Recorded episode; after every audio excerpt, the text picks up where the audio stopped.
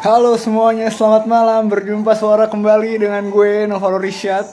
Di malam hari ini gue nggak akan khotbah sendirian kayak dosen. Tapi gue bakal ditemenin sama teman gue yang udah jauh-jauh datang dari Jogja. Jel. Namanya Nama siapa mas? Mohon maaf Perkenalkan nama saya Lucky. Tuh kan, ketahuan kan dari Jogjanya, dari Jawa ya ketahuan kan? Iya, Perkenalkan nama saya Rizky Putra. Jadi hari ini gue dan Lucky berdua mau sharing. Sebenarnya Lucky sih ya mau sharing pengalaman hidupnya beliau. Cek beliau. Aja. pengalaman pengalaman hidupnya dia pengalaman hidup yang bisa dibilang cukup cukup memberikan pelajaran ya bro di hidup lo ya Oh yoi coy. Hah? Yoi. Eh, pahit ya? banget itu. pahit nggak Ya bisa dibilang pahit ada enaknya juga sih. Yoi. pahit tapi bukan kopi hitam tanpa gula ya kalau kata misal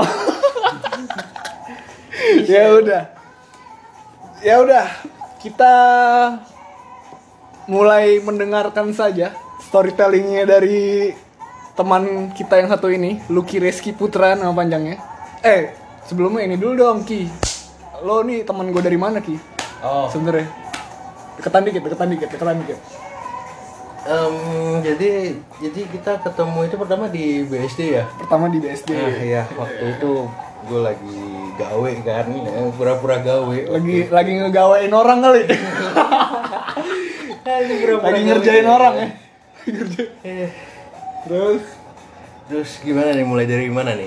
Oh. ya jadi pas waktu itu kan gue kan ketemu sama Lucky ini awalnya Lucky ini lagi ngisi liburan kuliahnya dia sambil kerja di daerah BSD, BSD, ya. di kantor kantor abang lo ya Kantor- Iya kantor kantor internet lah pokoknya Iya, gitu. kantor internet di sana terus nggak tahu kenapa tiba-tiba teman gue yang satu lagi teman gue ada dari Jogja juga sebutkan namanya siapa nih Ah inisial aja. inisial Mr. Iqbal disebutin disebutin juga sama dia. Astaga. diajakin gue jemput tuh si Iqbal di Cengkareng di bandara dia bilang Ro ayo ketemu temen gue ada Lucky namanya di BSD Waktu itu tahun berapa ya? tahun 2017 17 ya. kalau nggak salah sih 2017 lah gue bilang wah namanya Lucky Tengil nih ya kan biasanya gue punya temen namanya Lucky Tengil ya kan Tapi tapi itu nggak nggak semuanya. ya tapi nggak semuanya Pencerahan ya, pencerahan diri. ya udah akhirnya gue datang ke tempatnya dia ya ngobrol-ngobrol-ngobrol sampai akhirnya kita hangover di rumah abang lo ya. Oh iya di Avani ya. Di Iya. kayak di BSD juga dekat sama Ion kalau misalnya tahu. ya dekat daerah sana lah ya dekat daerah Ion sana lah ya ya kebetulan gue juga punya beberapa hobi yang sama sama dia. Jadinya lebih gampang masuknya pada saat awal ketemu. Oke jadi first impression gue ketemu Lucky tuh kayak gitu. Dan akhirnya temenan sampai sekarang. Langsung aja bro. Dimulai dari experience lo tentang pengalaman hidup lo yang cukup menarik ini sih kalau menurut gue. Sip. Ya. Mungkin jadi jadi jadi ini intinya sebenarnya tentang sebuah bisnis ya tentang bisnis yang selalu gagal. yang selalu gagal tapi nggak apa-apa nggak apa-apa kan nggak apa-apa.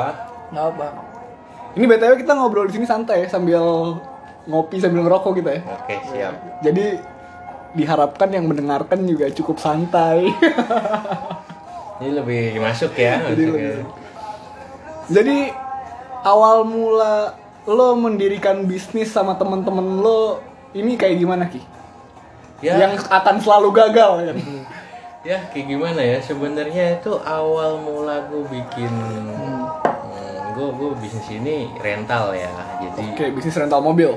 jadi emang waktu itu tuh nggak terlalu banyak yang ada bisnis rental yang dia mendekatkan diri ke mahasiswa jadi harganya pun kita turun Oh jadi emang pangsa pasarnya tuh mahasiswa. iya Iya. Oh ya biasanya kan tuh banyak tuh bro. Maksudnya kalau misalnya ada keluarga mahasiswa yang datang ke Jogja kan, nah nggak dia cuma cari kendaraan, nah iya bisa bisa sewa. bisa bisa itu juga yang kedua itu yang paling penting biasanya kan mahasiswa yang datang ke Jogja itu kan paling bawa motor gitu Iya, kan. biasanya udah bawa motor. Nah, kalau mau mau ketemu gebetan masa pakai motor sih? Iya, bro? jangan, jangan, jangan, gitu bro. Enggak, enggak, enggak, enggak semua cewek kok. Enggak semua Iya. cewek. Yo iya emang nggak semua cewek tapi Oh.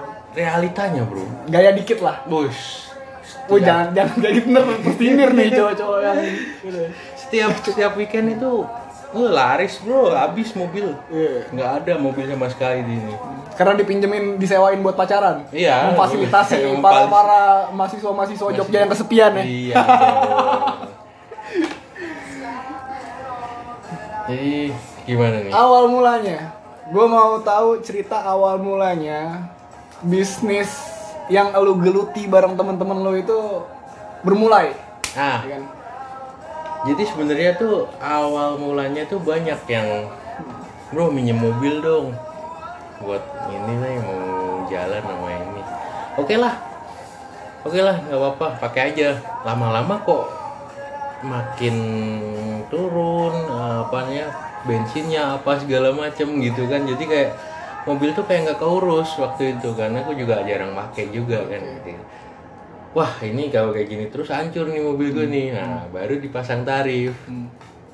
Dan itu kita mulai kumpul itu sama uh, tiga sama dua universitas lain di jadi Jogja. jadi jadi bisnis ini berawal sebenarnya dari project iseng-iseng lah ya. project iseng-iseng doang. Dari minjemin mobil ke teman-teman sampai akhirnya teman-temannya pada nggak tahu diri. Iya bener banget itu.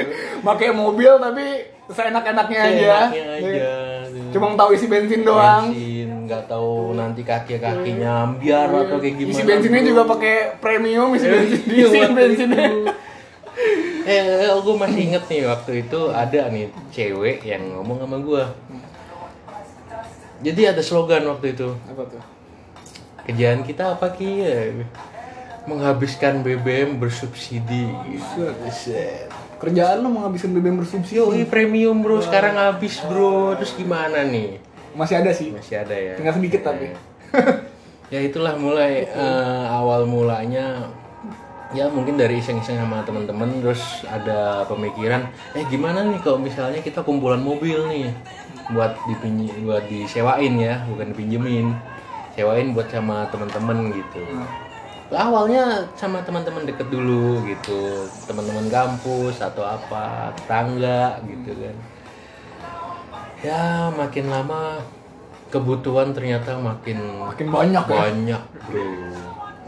Kebutuhan makin banyak gaya hidup makin banyak Gaya gaya, hidup. makin hedon tapi pemasukan segitu-gitu aja. Nah itu dia. Makanya makanya kita wah harus pasang tarif nih kan Ah. gitu akhirnya pada saat lo udah mulai sadar nih akan kehidupan lo yang udah mulai banyak kebutuhannya nah ya Ya, jadi malah makin sering makin tua kan lo kan dulu kan kuliah kan ya gue tau lah gaya hidup lo kayak gimana kan. Makin banyak makin banyak kebutuhannya. Sebenarnya dibilang kebutuhan nggak juga sih karena kan bukan kebutuhan pokok kan lebih ke entertainnya banyak lah. Ya entertainnya dia. banyak. Bener bener banget entertain entertainnya banyak pemasukan juga segitu-segitu aja. Dan lu pakai cara cara apa? Cara bisnisnya eh lagi Ah, azan nih sebentar nih. Bentar. gimana nih? Kita mau lanjutin apa enggak? Ah break dulu deh ya kita break dulu. Oke kita break dulu ya sebentar. Hmm, balik lagi guys. Sorry tadi kepotong azan azan isa. Jadi kebutuhannya Lucky makin banyak kebutuhan entertain entertainnya makin entertainnya banyak. makin banyak kan gitu pemasukannya segitu-segitu aja. Dan akhirnya lo memutuskan untuk nyewa-nyewain ya itu Mobil mencobanya mencoba buat ke teman-teman lo dulu. dari mulai Ya. teman-teman deket dulu. Teman-teman deket terus ke tetangga juga. Biasanya banyak yang make juga Hmm. Kan gitu. Sampai akhirnya sampai akhirnya lo udah mulai berjalan tuh. Udah mulai bukan udah mulai berjalan tuh nyewa-nyewainnya ke teman-teman dekat, ke tetangga, ke para mahasiswa-mahasiswa Mahasiswa yang Jogja yang kesepian, ya, gitu ya. memfasilitasi mereka, ya. Memfasilitasi bro buat buat berkencan. Iya, buat berkencan Rata-rata bagus, bagus, bagus. Atau jalan-jalan gitu. Berarti kan lu kan berkontribusi di situ kan buat Oh iya, kisah buat- cinta-cintanya mereka kan. Eh, buat kisah cintanya cinta boleh lah ya cinta ya kayaknya mungkin lebih ke meningkatkan perekonomian di sektor pariwisata kan gitu. Iya, bisa jadi, bisa bisa kan, jadi. Oh iya, bisa. berarti lu salah satu orang yang sebenarnya berkontribusi untuk meningkatkan sektor pariwisata oh iya Jogja, dong. bro. bener dong. Iya, wah. Seharusnya tuh pemerintah Jogja? Jogja ini sama lu berterima kasih. oh iya sama-sama ya udah. Ya udah ya udah lah ya, ya udah lah ya. Oke, setelah itu berjalan ki, setelah lu mulai menyewa-nyewain mobil lu, waktu itu satu mobil doang doang ya, yang lu sewa-sewain ya? ya satu Dari mulai mobil pribadi lo kan, Mobil pribadi, kendaraan pribadi iya. lo, lu sewa-sewain ke teman-teman deket lo, ke tetangga lo, memfasilitasi mereka yang ingin pacaran dengan segala macem. Ya. Setelah itu mulai berjalan, lalu apa kegiatan bisnis lo setelah itu, setelah setelah itu berlalu gitu, kan? setelah itu mulai berjalan terus-terusan nih. Ah, gimana ya? Jadi emang awal itu pasti kita kayak semacam kasta itu emang nggak nggak nggak menipu bro, emang ada di situ. Jadi, Kasta. Jadi ses- maksudnya gimana nih? jadi sesuai sama apa yang kita lakukan, mereka. kalau kalau misalnya gue nih, gue gue bergaul sama orang yang lebih tinggi kastanya dari gue dalam hal ekonomi ya ekonomi itu itu gue nggak mungkin dong eh, maksain diri buat ngikutin gaya hidup mereka. Iya betul betul.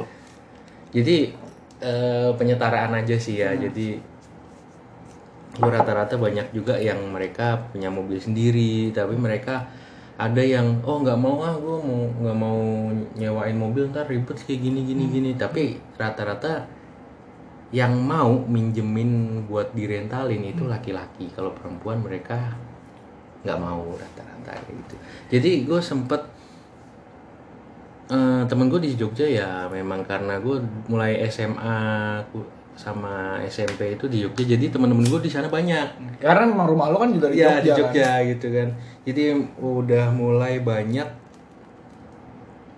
teman-teman yang mulai gue kumpulin lagi gitu kan terus baru gue pilah-pilah kira-kira orang ini berkompeten nggak buat Bisnis. bisnis gitu. Oh jadi pada saat lo udah mulai berjalan project iseng-iseng lo iseng-iseng lo sendirian, lo nyewa-nyewain kendaraan pribadi lo ke teman-teman deket, ke tetangga-tetangga, sampai akhirnya lo ngelihat ada potensi bisnis di sini. nah gitu apalagi kita itu Dan lo nyari teman-teman lo, entah itu teman-teman baru, entah itu teman-teman lama, buat join di join bisnis lo. ya Oke. Terus Ya. akhirnya gimana? Dapat? Eh, ada dua rekan gua di yang tadinya eh, satu tim ya kita buat jalanin bisnis ini. Hmm. Hmm, pertamanya kita cuma ada empat mobil dari tiga orang. Oh jadi ini udah dapat nih. Tunggu dulu. Sebelumnya ini udah dapat. Setelah lo mencari-cari partner bisnis lo, Ya, lo dapat satu atau langsung dapat dua. langsung dapat dua Langsung kebetulan. dapat langsung kebetulan langsung dapat dua orang Iya. yang kira-kira eh, sejalan lah Sejalan. pemikirannya sama lo Mm-mm. dan dia punya modal lah ya. Ya punya alat lah ya buat Iya. kita. Iya dong kalau nggak punya modal gimana mau Jalan, jalan bisnisnya. Ya, jadi mulai dari itu kita kan kita kan kalau di Jogja itu ya gimana ya mahasiswa terus waktu kita luang eh, waktu luang kita banyak malam-malam kita sering apa namanya begadang kan gitu Iya. Ah, daripada begadang nih mending mending bikin sesuatu hal yang buat mempromosikan gitu yang produktif lah. ya Bikin sesuatu hal yang produktif di luar kuliah kita di ya. luar dulu ya bener jadi waktu itu kita bikin poster Hmm. yang namanya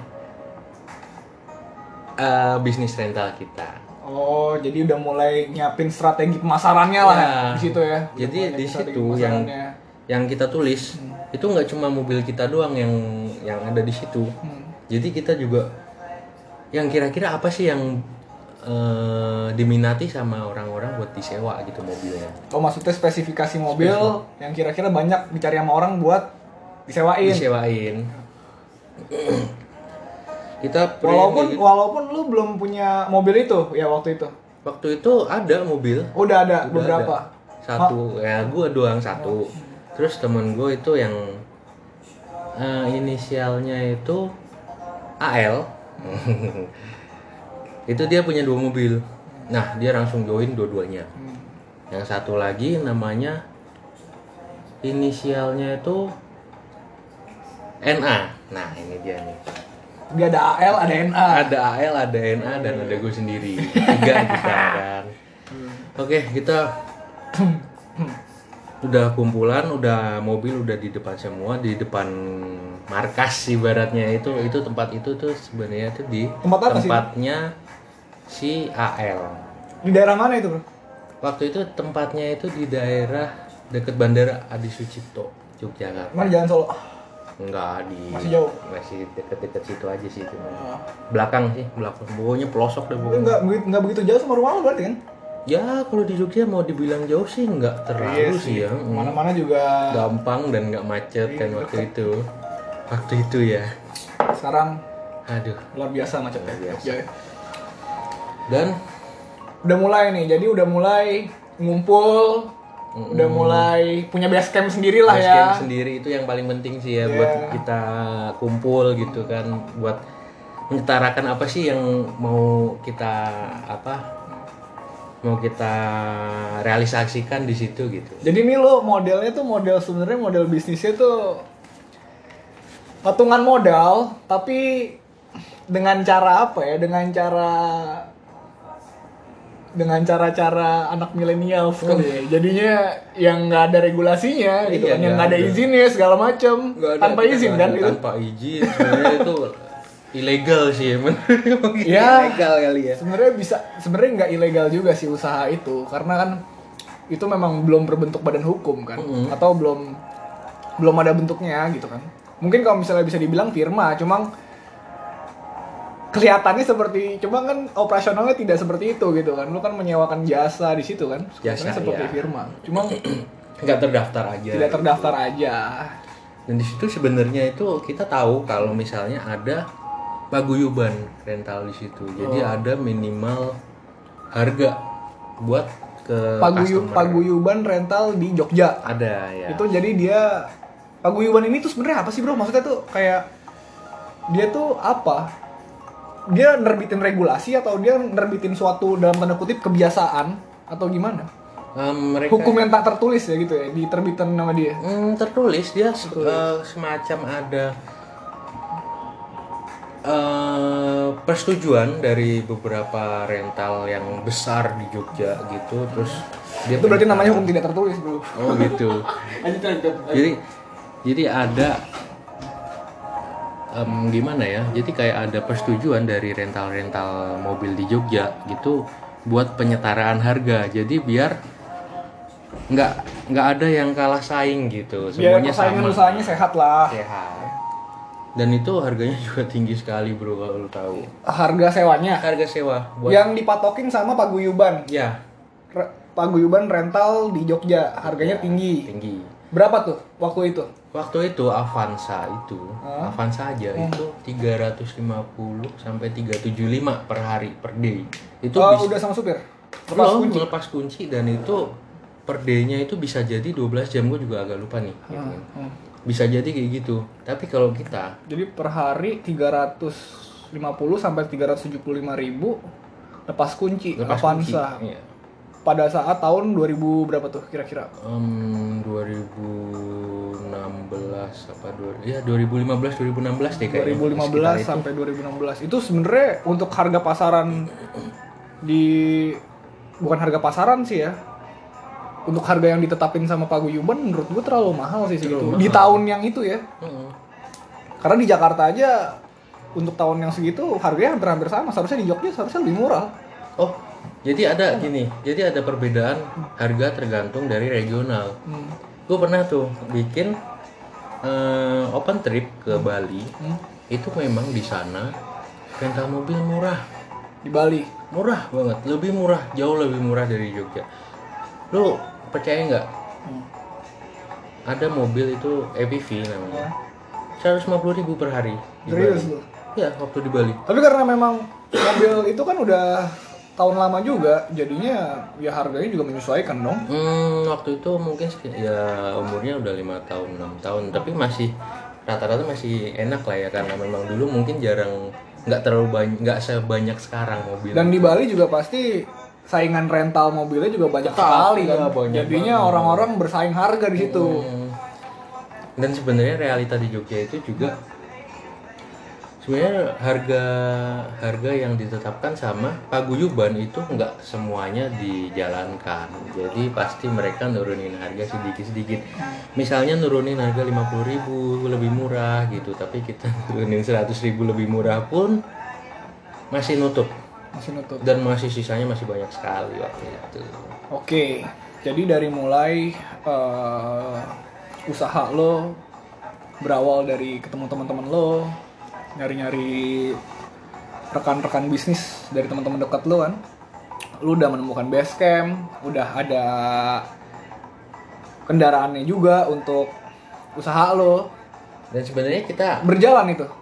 Pada awalnya Oh, berjalan. jalan, jalan, jalan. Kita tiga orang ini, ini kan ada yang dia itu satu orang yang nama, yang inisialnya NA, Hmm. itu dia cukup ngerti juga masalah mobil. Jadi apa pun permasalahannya, Oh. ya yang umum lah ya, entah diserempet orang atau apa beset eh, mobilnya atau kerusakan apa yang kecil-kecil, dia bisa. Jadi itu yang menurut menurut gue tuh paling penting juga. Jadi Bisa tahu sedikit- lah, bisa tahu dah. Iya, jadi kita nggak sedikit-dikit ke bengkel, ngeluarin duit, ngeluarin duit, enggak. Itu jadi salah satu cara buat kita nurunin harga. Jadi setelah udah mulai banyak ketemu teman-teman eh, rekan-rekan bisnis lu udah mulai berjalan bisnis lu, ya kan? Hambatan-hambatannya tuh apa sih pada saat bisnis lu udah mulai berjalan nih? Hmm? Kan apalagi lebih dari satu orang ya, maksudnya apalagi lebih dari lu bertiga kan join kan? Lu bertiga join, lu patungan jatuhnya patungan modal kan lu di situ kan karena kan lu kan masing-masing punya modalnya sendiri-sendiri. Lu patungan modal di situ, lu menjalankan bisnis tuh. Nah, problemnya tuh apa sih? Nah, di sini Karena ini kan karena ini kan mengingat ya, mengingat yang namanya bisnis bisnis dan pertemanan kan agak agak Bikin riskan ya. sebenarnya, Eh, ya kan? sering. Apalagi kalau melakukan bisnis sama teman-teman yang bener-bener dekat lah, Nah, yang masih itu dekat. masalah uang kan gitu. Ya, ya agak riskan aja. Kalau pribadi gue ya, bisnis dan pertemanan tuh kalau dicampurin tuh nggak bener. Gak bener. Ujung-ujungnya pasti nggak bener. Pasti nggak bener. Terus gimana nih? Setelah itu berjalan, problematikanya apa? Hmm, kalau di awal itu mungkin kita nggak nemuin problematika ya, karena emang setiap mobil yang kita jalan, oh iya. Jadi problematika waktu itu itu kalau misalnya kita nggak datang ke base camp, itu nanti mobil kita tuh dientar-entarin kalau misalnya ada yang mau rental. Maksudnya dientar-entarin nih gimana nih? Jadi kalau misalnya Contohnya gimana contohnya? gua malu ada mobil sendiri sendiri tapi gua datang ke rentalan ada orang yang mau nyewa oh mobil gua dulu dong biar keluar biar dapat duit kan gitu mobil lu ntar berarti kan lu Oh. nggak dapat duit Oh, wah. Oh, ini agak aneh nih, Ki. Kenapa gue bilang agak aneh? Karena nih, Ki, yang mau gue tanyain gini. Jadi ini kan lu kan sebenarnya kan gue nggak tahu ya, ini bisa dibilang patungan modal atau enggak ya?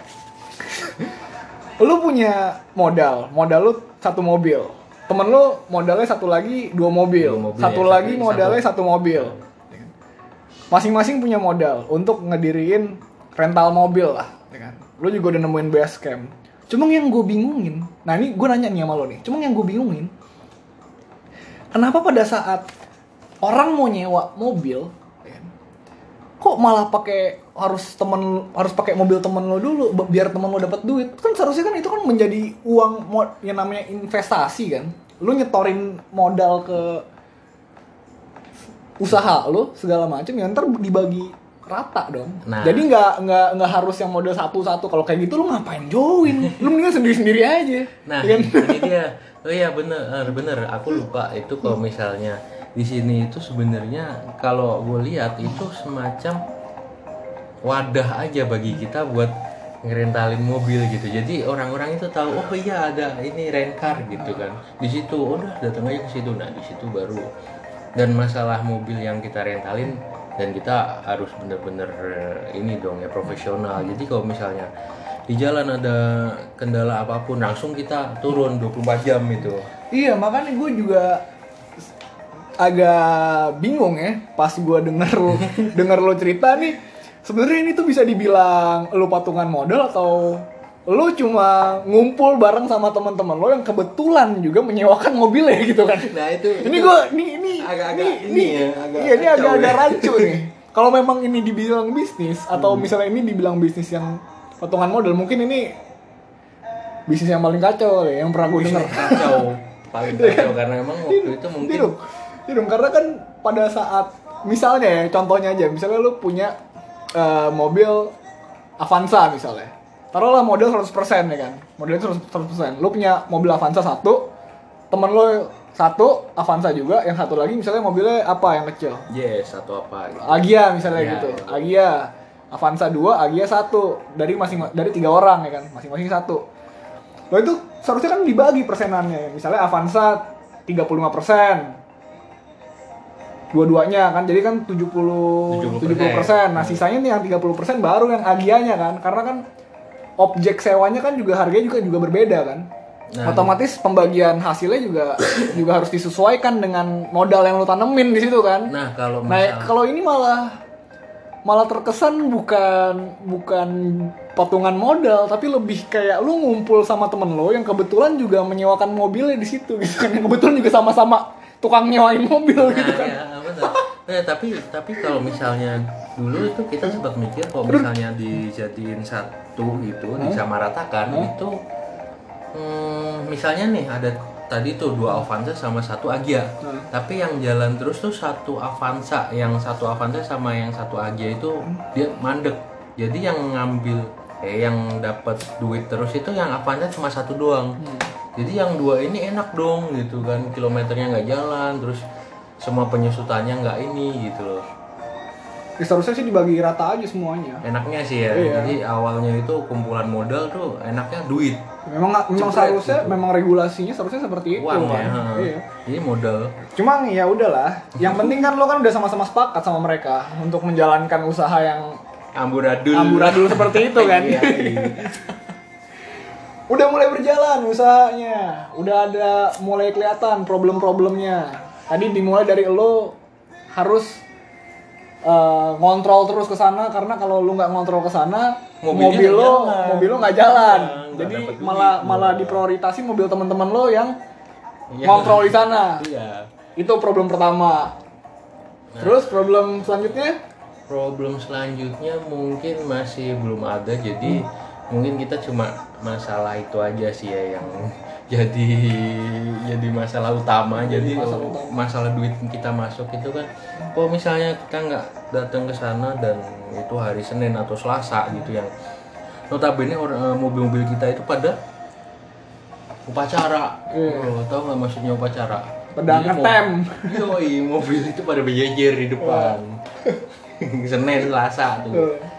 Terus mulai, nah itu tuh Senin Selasa kan lumayan kalau misalnya kita dapat satu atau dua hari gitu kan duit kan masuk terus. Iya. Ini kalau misalnya lu bayangin aja kalau misalnya satu bulan ya mobil lu jalan terus 30 hari kali 200 ribu aja wah udah lumayan banget itu 6 juta kan iya 6 juta itu kalau misalnya lu nitipin mobil jadi kita mungkin ngasih harga 250 atau 275 ribu. Jadi yang 75 ribu atau 50 ribu itu sebagai eh, apa namanya tips ya. Kayak Tip aja. semacam tips aja buat yang ngurus. Jadi waktu itu yang ngurus NA Oh, kebetulan dia yang ngurus. Kebetulan dia yang ngurus waktu itu. Dan karena emang dia em, kuliahnya agak kurang berantakan terlalu berantakan sih menurut saya. Jadi emang di sana itu dia cuma standby aja di tempat si apa AL ini base camp lah ya base camp hmm. dan sebenarnya AL pun dia terus bergencar buat ngelulusin kuliahnya dia dan akhirnya teman gue itu lulus yang AL Oke. Setelah tapi lu ada nggak sih kayak clash-clash pada saat lu menjalankan bisnis atau beda pendapat sama si NA atau sama si AL ini gitu kan. Yang yang nyebabin bisnis lo tuh lu tuh berpikir kalau wah nih bisnis gue nih kayaknya nih udah kurang kurang menjanjikan lah gitu. Maksudnya lu lu sadar akan ada nggak di satu momentum lu sadar kalau misalnya ini temen gue nih bukan partner bisnis yang baik gitu loh. ada tuh pada saat yang kayak gimana jadi pas waktu udah mulai akhir-akhir bisnis itu mau hancur itu ya jadi berantakan jadi hancurnya tuh hancurnya tuh sebener- sebenarnya hancurnya tuh gara-gara kenapa sih? Gara pertama kan gara-gara lu tuh belum cerita sebenarnya. Maksudnya belum belum secara gamblang menjelaskan. Jadi yang pertama itu masalahnya adalah sebenarnya kepercayaan lah ya. Kepercayaan. masalah kepercayaan lah ya. Sebenarnya di mana temen lo sebenarnya kurang bisa kerjasama di situ. Apalagi mengenai duit ya. Iya. Di mana lo harus datang dulu ke base camp baru mobil lo diprioritasin gitu kan. Kan Iya. seharusnya kan dia yang nge-manage itu, dia yang seharusnya bisa bagi-bagi porsinya dong. iya jadi di situ ada curangnya gini Hmm. misalnya ada Avanza gue Avanza nih terus temen gue Jess Hmm. ada dua nih ada dua mobil gue asa gue yang punya Avanza ada orang nyari buat mobil Avanza Hmm. mas ada Avanza nggak waduh nggak ada mas adanya Jess nih Padahal Avanzanya nganggur. ada nganggur Wah, gitu ngaco, ngaco, kan ngaco, gitu. ngaco. ya gitulah keisengan teman-teman cuma kita maklumi ya Berarti tapi tunggu dulu deh sebentar deh. Gue masih gue masih penasaran sama sama perjanjian awalnya di mana lo sepakat nih melakukan bisnis ini gitu loh. Agak aneh aja maksudnya lu lu tuh nggak lu lu emang nggak ngomong sama teman-teman lo. Kalau misalnya nih ya kita sebelum kita ngejalanin bisnis ini modal aku sekian, modal kamu sekian, modal kamu yang satu lagi sekian. Ini kita satuin aja semuanya, kita bagi persenannya sekian sekian sekian. Jadi bukan modelnya bukan kayak perkumpulan perkumpulan orang or bu- bukan perkumpulan orang-orang yang sama-sama nyewain mobil gitu kan tapi memang punya bareng-bareng gitu kan oh nggak bisa. Emang emang nggak emang nggak ada omongan kayak gitu? Nggak nggak bisa. Karena emang dari masing-masing kita juga ngerti eh, kebutuhan yang kita keluarkan buat eh, perawatan mobil itu kan tergantung dari mobil itu keluar atau enggak kan gitu. Iya Nah. iya gue ngerti. Nah, kalau se- kalau misalnya di antara empat mobil ini itu yang jalan itu cuma dua. Yang dua itu sering nganggur. Jadi yang punya mobil yang nganggur ini enak dong gitu kan. Dia tetap dapat duit walaupun mobil dia nganggur. Walaupun juga mobil itu nggak bisa kita pakai dan itu standby di situ. Oh jadi modelnya waduh agak kacau juga Agak ya kacau. usianya. Bukan agak kacau sih kacau sekali menurut saya. Ini model bisnis yang tidak patut dicontoh ya teman-teman. Kalau katanya yang denger siapa juga yang mau nyontoh? Bisnis gila begitu. Bisnis gila gila. begitu eh emang bener-bener itu itu nggak boleh di ini lagi sih eh. kacau emang. Ya jangan sampai lah. Itu jadiin pelajaran aja kan. Nah namanya juga dulu kan masih muda banget kan. Ah ya sebenarnya ada juga abang gue sendiri itu dia mau eh, nanamin modal Innova baru. awal pada saat bisnis itu lagi berjalan ya? Ya, jadi pas waktu itu abang gue itu datang ke Jogja. Dia bawa Innova yang gue lihat itu kilometernya masih 500 berarti dari Jog dari Jakarta. dari Jakarta ke Jogja kira-kira 500 iya, kilo mm, 500-an kilo kan. Terus yakin nih mau dititipin ke kita kan gitu. Terus akhirnya dia muntir dong. Sayang aja gitu mau Avanza baru gitu. Eh Avanza, Innova baru kan. soalnya. Akhirnya nggak jadi. Nggak jadi. ya, bagus lah Jadi nggak nggak nggak nambahin pikiran mumet ya. Iya. oke eh, lanjut lagi bro ke problem ke problem apa lagi nih lu sama temen rekan bisnis lo ini nih Jadi waktu itu emang karena duit itu kan eh, gampang ya. Jadi gampang gimana nih duit susah cuy nyarinya Ya waktu sekarang ya sekarang susah banget gila. sekarang. Jadi waktu itu emang susah bro nyarinya nggak susah. gampang nggak gampang Kalau- dulu kan gue cuma tinggal duduk doang gitu kan, duduk doang dapat duit, duduk doang dapat duit gitu. Ya gila aja dulu 200 200 ribu per hari. Kalau misalnya kita pakai 100 ribu aja per hari itu udah buat ke mana-mana tuh makan apa aja tuh. sekarang nggak Sedangkan waktu itu mungkin kita harian itu 25 ribu itu udah cukup buat di Jogja. Zaman dulu. Dua puluh lima ribu tuh udah cukup ya di Jogja. Udah lebih dari cukup. Itu dua puluh lima ribu di Jogja. Itu kita satu porsi aja tuh rata-rata kita makan tuh kalau di Burjo tuh bisa berapa sih? Hmm, kalau oh iya. 10.000 ya? Jadi jadi di Jogja itu emang ada eh, tempat makan yang dia itu eh, apa namanya digemari sama mahasiswa apa segala macam gitu ya namanya Burjo. Padahal padahal ya memang dulu itu itu situ tuh dia jual bubur kacang hijau tapi sekarang rata-rata nggak ada Sudah sudah bermetamorfosa, Bro. Jadi Ya. jual nasi goreng, Nasi goreng, jual Indomie, nasi Indomie, telur. nasi telur, macam-macam dah. Dari dulu itu nam, eh, bannernya itu tetap Indomie warung Indomie Tapi emang murah-murah banget di sana. murah banget jadi kita mau makan nasi telur itu dulu waktu Sepuluh ribu udah kenyang lah. ya Udah sama minum. nasi telur waktu itu 4.500 Wih, Boy, itu, 4.500. itu udah kenyang 4.500 Nah, tuh lu bayangin tuh mana ada di Jakarta 4.500 Buset, dari nasi telur, ya kan? Telur 10.000 di sini. Habis itu kita beli es teh. Itu 2.000 waktu itu 2000 berarti kan 6500 kalau misalnya lu perokok ya di sana itu pasti ada yang ngeteng. Dan itu bukan hal yang ya ampun receh banget sih lu kudu beli rokok itu ngeteng gitu kan. Ya, di sana itu enggak. Biasa aja semua gitu. Mau orang orang dia dia kolong merat nyampe kolong BW nyampe kolong meja itu semua mereka beli beli ini beli rokok ketengan. Nah balik lagi ke bisnis tadi. Jadi wadah ini nih yang tempat kita makan sehari-hari yang jadi buat kum buat nongkrong Mahasiswa ala lah. tanggal tuanya mahasiswa gitu kan Eh, ya tanggal tuanya mahasiswa. nah itu di situ kita dulu itu sering pas awal ya Kalau gue sih dulu pas zaman kuliah di Jogja mau tanggal tua mau tanggal muda nongkrongnya di Burjo. isi burjo murah gitu kan gimana gimana gimana gimana, gimana orang nggak kaya ya di. Iya. Duit duit ditabungin. Kalau gue beda sama lu, Bro. Kalau gue merki orangnya. Kalau lu kan royal. Kalau gue orangnya merki. Merki apa anda? Pelit. Ya, Royal tau nggak? Apaan royal? Iya gunanya. Ro- Iya, royal ya. banyak ini, ini ya. keraton. Oh, ya. Royal. Buset. jadi, jadi waktu itu kan kita salah satu buat promosiin apa namanya bisnis kita itu dari mulai iseng nempelin poster di burjo burjo-burjo kesayangan kita waktu itu jadi ada beberapa burjo yang Yang kita itu langganan langganan jadi kita mau nempel di situ itu enggak akan ada yang ganggu pokoknya dan kita juga nggak bayar buat iklanin itu gitu Cuma sekedar nebeng nempel doang nempel aja. doang, ya. Dan Jadi akhirnya setelah lo udah mulai pakai strategi marketing ala ala Lucky Reski Putra ya kan. hmm, Nempel-nempelin pamflet di burjo-burjo, rental mobil. Rental Dulu apa namanya rental mobilnya? Ah dulu itu nama gue sendiri. Lucky. Ya. Lucky rental mobil atau apa? Gue keren kan. Yo, Lucky Lucky kan. Rencar.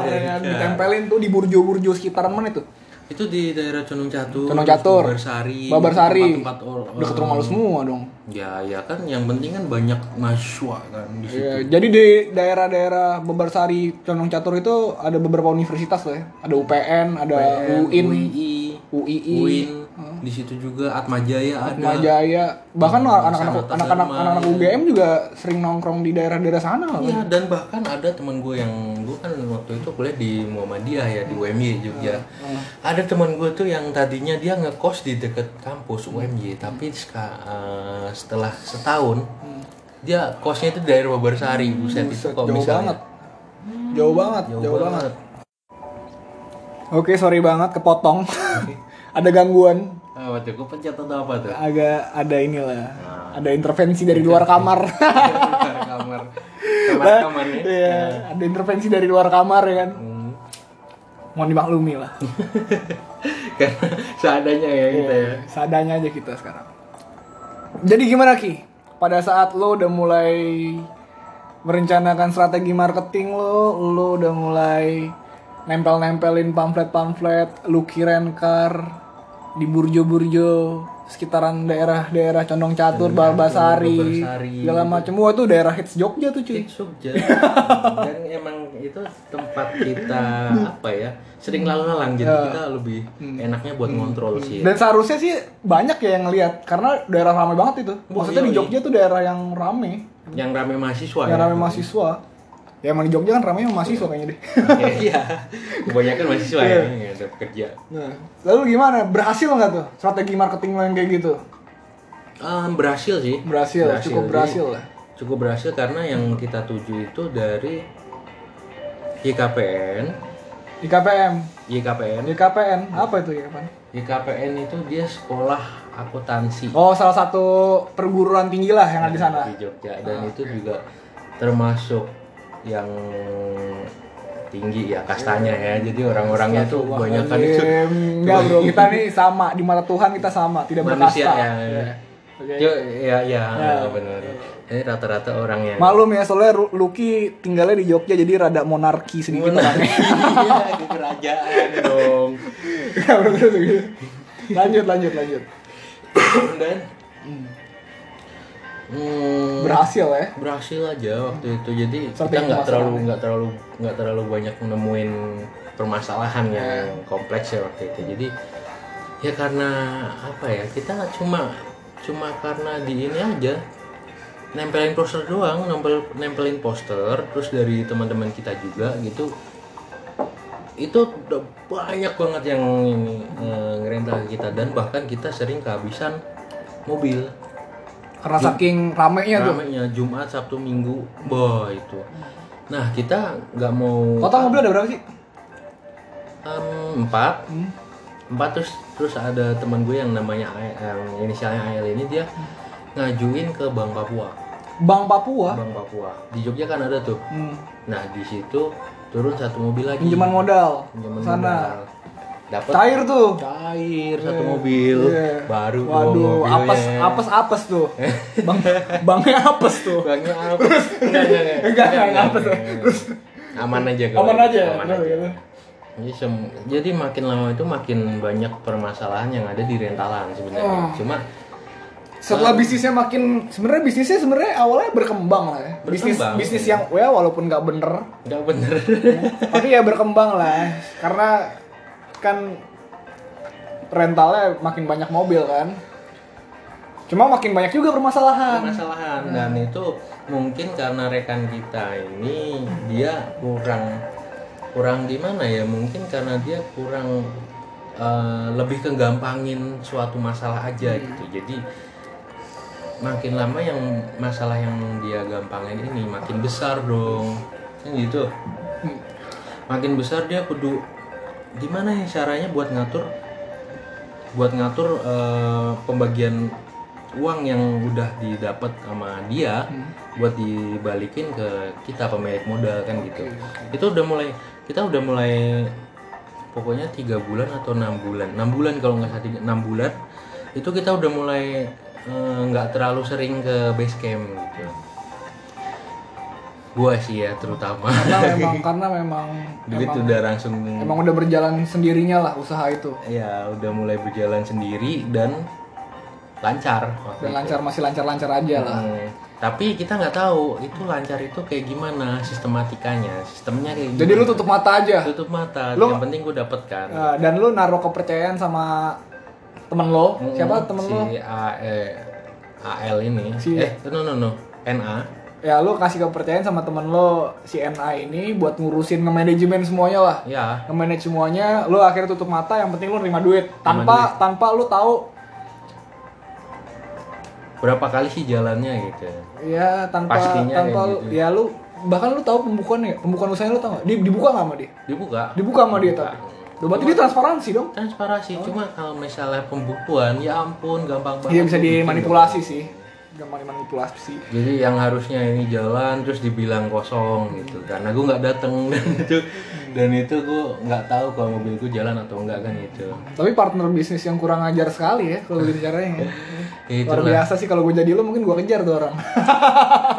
pengejaran itu susah bro nanti ada Oke. saatnya Terus udah bisnis udah mulai berjalan.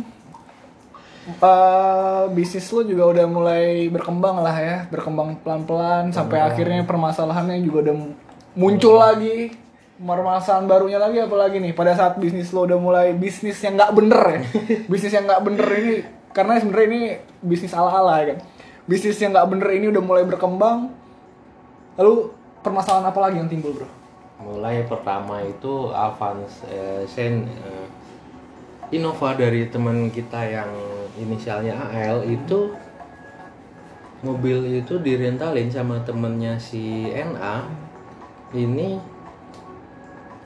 berapa hari ya? Dua minggu kalau nggak salah. Dua minggu dirental dan uangnya itu terus terusan jadi lancar aja gitu. Tapi kok kita lihat di GPS itu mobil itu nggak jalan cuma di situ terus. Nah di situ tuh kita punya indikasi ini mobil digade apa enggak kan gitu. Oh. Nah kita samperin mobil itu ternyata itu jok terus door trim Hah? terus plafon apa segala macam dilepas sama dia. anjir kok bisa begitu? Itu kalau motivasinya apaan dia? Kalau dia motivasinya itu Hmm. kat- eh, alasannya dia buat ngelepasin itu katanya AC-nya bau. Wah luar biasa tidak Dia masuk akal. Nggak masuk akal. Kalau di kita itu em, menyangkanya itu mau dia tuh sebenarnya nyari GPS yang sebenarnya kita itu cuma pasang satu doang. Yang ada di Oh. dashboard. Sebenarnya dia kayaknya udah tahu ada ada GPS di situ. Oh, jadi jadi mobil temen lo ini yang inisialnya AL ini ini disewain sama salah satu customer lah. Ya temennya NA Mm-mm. nah customernya ini kebetulan temen dari rekan bisnisnya juga. Dia ngebutuhin Innova dikasih lah Innova punyanya AL udah berjalan dua minggu uang sewanya lancar. Lancar. Tapi dilihat di GPS mobilnya stuck di situ-situ doang di Iya, satu titik doang nggak ke mana-mana. pada saat lo samperin ke sana teman-teman Itu- ya sama itu juga. sama beberapa orang teman lo lah ya. Hmm. itu mobil door trimnya udah lepas plafonnya udah Plafonnya, lepas joknya joknya udah dicopotin. dan alasannya dia? Cuma AC-nya yang bau. Kenapa alasan alasannya dia AC-nya yang bau tapi asumsi lo asumsi lo dan teman-teman asumsinya Lucky dan teman-temannya Lucky yang nyamperin ke sana itu dia mau nyari GPS, buat dicopot, oh mau kan. diambil Mau tuh diambil mobil. mobil. wah gila lu kecil-kecil udah mau ngegelapin mobil lo eh Hah? lu kecil-kecil udah mau ngegelapin mobil. Udah gede jadi apa lo Hah? jadi manusia kali iya kecil-kecil udah mau ngegelapin mobil anjir. Terus lanjut. Nah lanjut. Nah itu itu habis itu kan sebenarnya kalau misalnya door trim apa pun yang semacam jok apa yang di dalam mobil itu dilepas paksa itu kalau kita pasang lagi itu kan nggak mungkin perfect lah ya. Iya karena kan ya kita juga nggak tahu dia ngelepasnya kayak gimana entah mungkin ada yang patah apa kan? Iya makanya itu. Terus kita juga ya itu termasuk kerugian juga karena emang mobil itu nggak bisa jalan setelah kita ambil karena kita harus ke bengkel dulu dan itu waktunya 3 sampai empat hari. Jadi nggak cuma masang doang, kalau masang doang kan gampang tuh, paling sehari selesai. Tapi kan ini juga cari barangnya kira-kira apa aja. Cuma dan kita lihat juga di bengkel yang biasa kita buat ngurusin jok itu kan dia em, ada kepentingan lain lah sama customernya mereka gitu kan. Jadi itu yang bikin antri lah. Jadinya lama ngulur waktu lagi. Mobil itu nggak jalan karena mobil itu nggak jalan ya kan? Nggak ada pemasukan tambahan lagi. Oke jadi timbul lagi masalah baru itu masalahnya. Nah. lalu selanjutnya setelah lu selidikin kan udah samperin segala macem Nah. tuh mobil lu bawa balik apa gimana tuh bawa balik dong. Langsung bawa balik? Langsung bawa balik. Paksa mau lu dia minta tanggung jawab nggak sama dia? Sama orang yang meretelin mobil nih? Ya.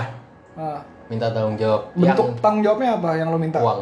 Bukan bukan gue. Ya jadi em, ini sebenarnya masalahnya si NA sama AL jadi AL ini dia nuntut buat mobil ini ya seperti pas waktu sebelum dirental kayak gitu. Ya, seperti keadaan semula lah semula. pada saat disewakan.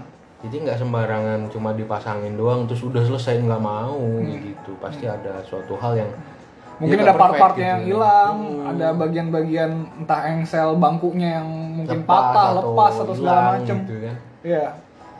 Nah, itu jadi yang gerak masih NA lagi. Ya, ya itu masalah itu jadi selesai karena NA juga. Jadi dia yang mau turun tangan buat itu. Dia mau nyelesain masalah Nyelesain, itu. Oh, dia tanggung jawab lah karena itu kan bukan sebenarnya bukan tanggung jawabnya si NA sih. sebenarnya ya mungkin karena yang nyewa juga Iya. kebetulan temennya dari si dan dan, ini. dan itu yang yang menyalurkan NA juga.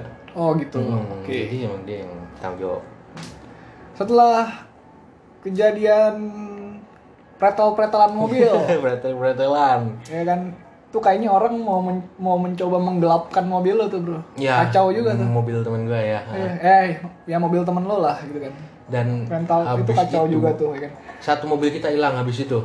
Setelah itu insidennya satu mobilnya hilang. Hilang Avanza. Jangka waktu berapa lama tuh setelah kejadian pretel-pretelan mobil? Nggak lama sih itu mungkin sekitar dua bulanan. Setelah dua bulan.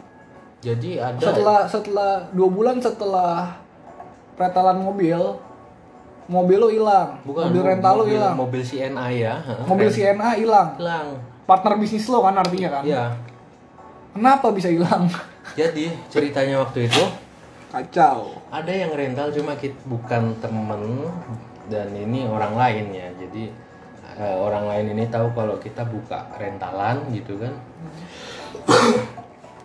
Terus dia ngerental mobil Avanza.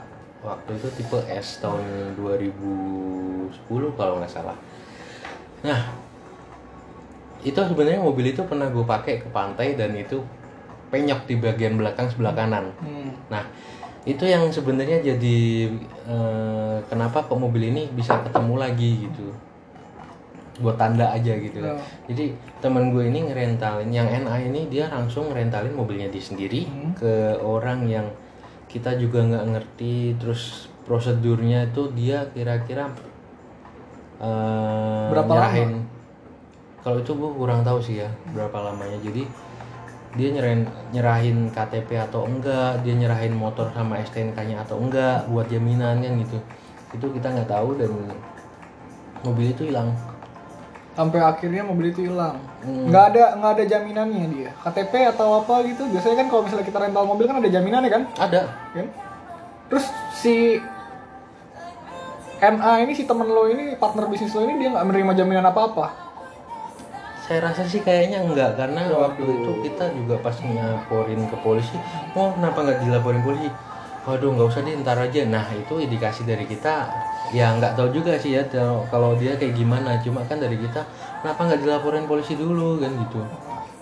Jadi si NA ini seperti lepas tangan aja pada saat mobilnya hilang? Em, seperti ada yang disembunyikan Oh mungkin udah banyak duitnya kali, jadi mobil satu hilang nggak apa-apa. Mobil satu hilang masih Enak banyak, masih ada lima kok. Ya. jadi, jadi waktu itu kita coba ngecek di GPS itu mobil sudah di Pasuruan padahal izinnya Wah. itu ke Jawa Tengah ke arah Semarang Itu mobil disewain dari Jogja, izinnya mau ke arah arah Semarang, Semarang mau ke arah utara berarti ya dari Jogja ya. Tapi dia nyasar, tapi nyasarnya ke Pasuruan, bro. Pasuruan. Buset, Pasuruan, Pasuruan tuh dekat Jawa Surabaya. Iya makanya Iya. itu makanya Jawa Timur. kita setelah Mau ke mana dia mau hang- mau hangover kali? Hangover ke temen Bali. gitu. Ke Bali. Seda. Oh memang mobil itu platnya DK kan ya. Jadi Nah, iya. kebetulan ya. Iya, atau mungkin dia mau mencoba Nyebrang. memulangkan mobil itu ke habitatnya kan ke Bali kan ke Denpasar ya Denpasar. jadi jadi waktu itu kita buka GPS, kita login. Loh, kok mobilnya ada di sana? Langsung dong kita kejar. pada saat lu cek GPS mobil udah di Pasuruan Kita lu kejar. kejal dari dari Jogja lu langsung cabut ke Pasuruan ke Cabut titik di mana mobil titik, itu ada eh, Dan ujungnya itu sama siapa lu bro Sama si Ena ini sama si anak ini berdua berdua. oke Nah, jadi waktu itu kita kejar itu ternyata GPS itu itu tuh berhenti di salah satu tempat di Surabaya. GPS itu berhenti GPS-nya bukan mobilnya GPS-nya. GPS-nya berhenti di salah satu tempat di Surabaya berarti bukan di Pasuruan dong Iya, ya waktu kita buka itu GPS itu masih di posisinya masih di Pasuruan. Oh, pada saat lu cek lagi dalam perjalanan, Kan kita standby eh, standby GPS kan, Ah. jadi GPS-nya itu kita kejar itu ternyata kita yang yang kita kejar itu bis bro. Jadi GPS itu dicantolin di bis, waduh, luar biasa. hilang dong mobil satu. Hmm. Ya sudah kita cuma ambil GPS saja kita pulang ke Jogja dengan cuma ambil cuma bawa GPS doang jadi mobilnya nggak ada Gus. Emang yang namanya bisnis rental tuh rawan banget sebenarnya sama penggelapan atau penggelapan sama penipuan. Hmm. Emang yang paling banyak sih masalah penggelapan sih ya, karena kan orang ngasih jaminan juga kadang-kadang jaminannya juga nggak bisa banyak. 100% kita percaya sama jaminannya gitu kan. GPS juga modus operandi zaman sekarang tuh ada aja, entah itu GPS-nya disangkutin di bis, segala macamnya ngerjain. ngerjain itu. Jadi, Itu insiden yang ketiga. itu insiden ketiga ya udah ya. Selanjutnya insiden yang keempat. Wah ini memang full of insiden nih usahanya. Ya. Wak, eh, udah berjalan agak lama ya mungkin beberapa bulan setelah itu kita nemuin memang mobil itu kita nemuin di daerah Ungaran Hmm. dipegang sama dipegang sama ini tentara jadi buat masalah dipegang sama tentara bisa kita lanjut habis ini ya Bisa kita lanjut abis ini di BKH Ah, Tentara. Wih, gila lu. Pot, gila lu podcastnya dua part. Iya ceritain dong. lu doang, ceritain unek-unek lu dua part nih. oh bukan unek-unek permasalahan Oh permasalahan lu dua part. Iya, Oke, oke, oke ya udah teman-teman karena memang ini waktunya udah 55 menit sekian, sekian detik dan maksimal rekaman di podcast ini tuh 60 menit. Karena Lucky, karena Lucky memang unek-uneknya masih banyak. itu cuma baru gue doang ya berarti Iya. ya permasalahan yang Ya, emang banyak sih bro orang yang mau nyeritain unek-uneknya di podcast gue. termasuk gue dong Termasuk lo kemarin bisa kan, tapi kita ceritain segala macam. Jangan, tunggu dulu, tunggu dulu. Oke, lanjutannya ada di part yang kedua. Terima kasih kalau emang udah yang nonton sampai sejauh ini. Kalau mau terus mendengarkan ceritanya teman gua, experience-nya teman gua, bisa lanjut di part kedua ya. Salam. salam